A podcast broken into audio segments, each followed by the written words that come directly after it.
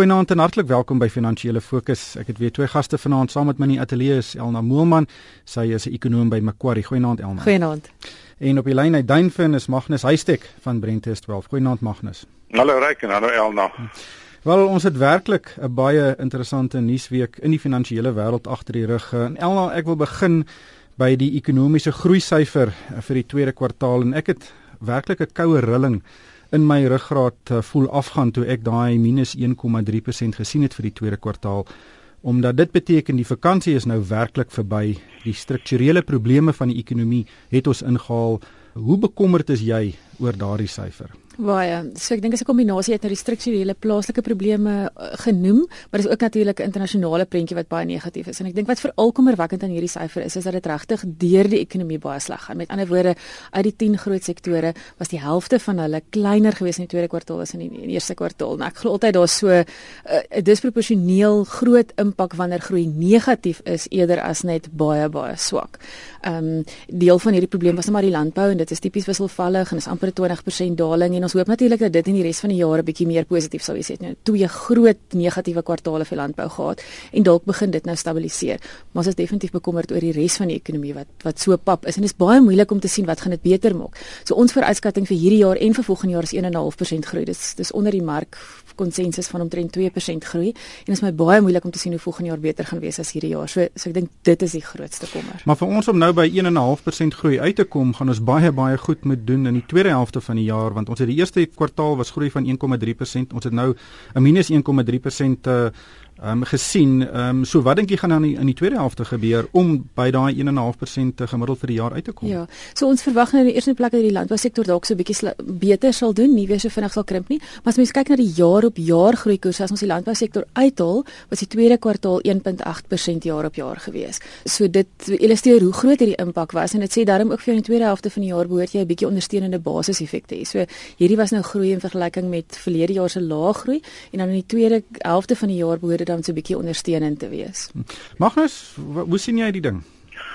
Nie onverwags nie, as 'n mens die impak van Eskom uh vat op al die vervaardigingssektor en ook op uh verbruikers en beleggers sentiment, dis ek glad nie verbaas dat die syfer so laag is nie. En soos jy sê die probleem is wat gaan dit laat omdraai? En wat is die gevolge en veral die gevolge op die tesorie die, die belastinginsameling daar gaan 'n groot probleem wees en ek het 'n berig gesien verlede week dat die uh, insameling van belasting van van maatskappye is 8% onder die teiken. Nou ja, dit is uh, dit dit is waar die die die pyn waar ons die pyn sal moet vat. Staatsinkomste is al reeds onder druk en en en en die regering het geen keuse nie. Hy sal hy sal moet begin sny iewers en of dit polities kan kan kan doen weet ek nie maar daar daar is net nie meer geld in die kitty nie. Dit is natuurlik so as die ekonomie stadiger groei maak maatskappye minder geld uh, en daarom kan die staat minder belasting invorm en weet dis een van ons strukturele probleme is ons begrotingstekort. My Elma, is daar 'n knoppie wat die regering kan druk? Weet, weet my my vrou het my gevra hierdie week maar wat kan ons doen om hierdie situasie te verbeter? En ek kon aan niks dink nie. Daar is nie 'n goue knoppie wat ons kan druk om hierdie situasie om te draai nie. Ek dink ongelukkig omdat dit deels 'n internasionale storie is, so baie swak internasionale vraag en onsekerheid oor internasionale vraag. Eh, dit kan die regering baie min aan doen. Ek dink die deel waarin ons iets kan doen is die plaaslike probleme en die onsekerheid. Soos jy na opnames onder maatskappye kyk, is amper die grootste probleem vir hulle op hierdie stadium politieke en beleidsonsekerheid. En dit is iets wat onder ons beheer is. Jy kan sekerheid skep oor beleid en jy kan baie duidelik maak wat jou pad is vir die volgende 10 of 20 jaar en daarbey hou. As jy byvoorbeeld dink oor die beleidsvoorstelle wat ons in die laaste 6 maande gehad het, dan het ons 'n sekere voorstel op die tafel, dan word dit gekorrigeer of reggestel of wat ook al en dan 2 of 3 weke later het ons weer 'n ander voorstel. Dit is onmoontlik om onder sulke omstandighede enige soort van uitbreiding te doen want jy weet nie wat jou totale koste en winsgewendheidsvooruitskattinge is nie. So ek dink daaraan kan ons iets doen en dan dink ek ook dat daar goed is soos byvoorbeeld die elektrisiteitssituasie wat beter bestuur kon gewees het so daar is wel goed dat ons aan kan doen, maar ongelukkig is daar ook faktore wat ons glad nie kan beheer nie. Magnus, ek ek neem aan dis goed soos uh, arbeidswetgewing, eiendomsreg, ekonomiese groei beleidsstandpunte wat meer na die vrye mark neig as sosialisme. Is dit die tipe goed wat jy ook sal wil sien? O ja, absoluut. Uh, ja, nou, dit is maar korrek. As jy kyk maar net na die visum uh, debakel, jy kyk na die mynregte debakel waar 'n myn uh, re, uh die die die mynministers eenvoudig 'n lisensie terugtrek en die president weet nie eens daarvan nie. Ons is besig om onsself letterlik in albei voete te skiet die heeltyd. Ons stuur syne uit na die buiteland. Dit Suid-Afrika is nie 'n plek waar jy met gemak kan geld gaan belê nie. Ek ek het 'n uh, verslag gesien van Merrill Lynch Bank of America wat sê Suid-Afrika word toenemend 'n baie baie riskante plek om te belê en hulle sê dit maak korrek en dit gaan alles oor uh, sekerheid van beleid. En jy weet hierdie hierdie ding van 'n ekonomiese kodessa raak al hoe meer en meer kritiek. Iets moet gedoen word. Die sake sektor sit met geweldig baie geld op hulle balansstate. Hulle sê dit is 'n lui balansstaat, maar hulle wil dit nie in SA belê nie want hulle weet nie wat is die beleid nie. Wat is die beleid met arbeid? Wat is die beleid met mynregte, met eiendomsregte? So daar's 'n daar's 'n beleggingsstaking verbruikers en ook sake sentiment is op 15 jaar vlakke en dan kry jy nog die kommoditeitssiklus wat jou uh, en ook China se probleme wat ons baie baie seer maak. En jy weet die die enigste ligpunt uh, die, die die die Amerikaanse ekonomie doen baie baie goed. Die syfers was 3.7% in die tweede kwartaal. Maar ons is heeltyd besig om om om om om meer na China en Indië te, te beweeg in in Rusland in terme van uh handelsvernote terwyl ons vriende moet bly met Amerika en en dit ook skep baie onsekerheid. Ja, ek dink ook die tyd is ryp vir 'n baie groot uh toerismeveld tog in die buiteland waar ons 'n teiken stel en sê luister, kom ons kyk of ons in die volgende jare ekstra miljoen mense na Suid-Afrika toe kan bring. Natuurlik is daai visum uh weet uh, probleme wat ons het is nou nie werklik help nou nie eintlik daarmee nie. Maar Magnus, ehm um, kom ons kyk 'n bietjie na beleggingsmarkte. Vir my het dit hierdie week regtig gelyk soos wat jy 'n pizza in 'n tuimeldroër sien, hè. Ehm um, jy, jy ons weet regtig nie wat aangaan nie. Uh, weet ons het maandag hierdie aggressiewe daling in Chinese en wêreldmarkte gesien. Dinsdag het die Chinese weer omtrent met 8% geval. Uh, En toe sal ewe skielik sprake dat Amerika nie sy rentekoerse gaan opstoot nie en ewe skielik toe toe spring al die markte insluitende China se mark. Kan jy vir ons in jou kristalbal sê en ek hoop hy's baie helder wat gaan op die oomblik aan? Dis maar net uh, dis uh, ek wil nou nie sê dis normaal nie, maar markte gaan elke nou en dan elke 3 4 jaar gooi hy so sy in 'n goeie Afrikaans sê 'n vloerboer en en en jy jy sukkel om dit uit te werk en dit kom eers later daarna uit. Weet want markte tans beweeg so vinnig en en die die markte beweeg eers en dan kom die interpretasie daarna. Mense werk uit presies wat aan die gang was en as, as gevolg van die elektroniese verhandeling 24 uur markte is dit soms vir die gewone belegger en ook vir professionele beleggers bitter bitter moeilik om om presies te verstaan wat aan die gang is. Maar dit gaan oor China, dit gaan oor die onsekerheid van hulle ekonomiese groeikoers. Dit gaan oor die kommoditeitsiklus. En soos 'n top-top fondsbestuurder hierdie week gesê het, hy wil nog hy wil, hy wil graag iemand ontmoet wat China verstaan. Eenvoudig soos dit. Hy sê I don't understand China. En ek dink dis die dis dis presies wat aan die gang is. Die amptelike syfers en die werklike syfers is is twee verskillende dinge en mense probeer dit uitwerk op allerlei maniere om om die Chinese ekonomie te analiseer en en en as gevolg van taalprobleme en kulturele probleme is dit baie baie moeilik. Ek moet sê selfs die Chinese ekonome waarmee ons gereeld gesels, sê jy, jy, jy kan net nie seker wees is daardie groeikoers nou op hierdie stadium baie naby aan 0 of is dit nader aan 3 of 6 of die gemeer gerapporteerde amper 7% nie. En ek ek vermoed dis 'n groot probleem. So as jy nie weet of jou vraag eintlik met 7% of met 0% groei nie, kan jy nie sekerheid in die markte verwag nie. Maar jy sien ook ek het nou al 'n hele paar ehm um, dokumentêre programme gesien van die Chinese ekonomie waar daar so baie fokus op konstruksie geplaas word dat stede gebou word waar daar niemand bly nie. Ehm um, nou natuurlik is daar 'n bydrae tot die BBP, maar dis 'n baie swak kwaliteit bydrae tot BBP. Dis soos Nigerië wat olie uh weet in die see pomp en dit word sommer in die see al op 'n boot gelaai en en weggevat ehm um, weet na raffinaderye in 'n ander land toe. Dis 'n baie swak bydrae of 'n swak deel van die BBP omdat die direkte impak daarvan op die land minder is as byvoorbeeld as jy 'n pad bou en ekonomiese ontwikkeling uh, stimuleer deur daai tipe van um, besteding. En ek dink natuurlik so met ander woorde jy praat nou amper van die onnatuurlike investering wat jy in sekere konstruksieprojekte gehad het en dan was daar nou meer natuurlike vraag of groei in investering gewees, maar ek dink beide van dit was onvolhoubaar gewees. So hierdie herbalansering van die Chinese ekonomie was onafwendbaar gewees en ek dink dit is wat 'n mens deels nou sien. So as mense nou na die individuele aanwysers gaan kyk, dink ek dit is wat 'n mens sien. Baie swak groei in hierdie goed wat direk verwant is aan daardie deel van die ekonomie en hopelik dan nou so mettertyd 'n bietjie van 'n verbetering in meer die plaaslike vraag, maar dit het natuurlik nie soveel ondersteuning vir die kommoditeitssiklus en vir lande soos Suid-Afrika se uitvoervraag nie. En dan el na die rand ook, um, hy het sy wind uitgeval tot 14 rand teen die dollar. Dit is skynbare vingerfout van 'n Japaneese handelaar gewees, maar dis nog steeds 'n amptelike transaksie gewees. Uh, die rand het toe verstewig tot net bo R13. Uh, hoe, hoe lees jy die rand op die oomblik? So ons dink korttermyn moet die rand, rand redelik swak bly. Daar's net te veel onsekerheid. Dit is my baie moeilik om te sien hoe die rand kan verstewig totdat jy sekerheid het ten minste waar die wêreld en kommuniteit te heen gaan oor die medium en langer termyn. Maar ek dink tog steeds langer termyn as jy kyk na waar die rand se vlakke nou is, dan is dit baie goedkoop. Ek dink die rand is baie swak. So ons dink nog steeds dat die rand mettertyd 'n bietjie gaan herstel, maar dit gaan ongelukkig eers gebeur eerstens wanneer jy sekerheid het en dan tweedens waarskynlik wanneer kommoditeite so 'n bietjie beter begin lyk. Like. Magnus, wat dink jy van die rand? Wel, jy weet 13 was al 'n teken vir my gewees. Ek het verskeie kere op hierdie program herhaal en op ander programme.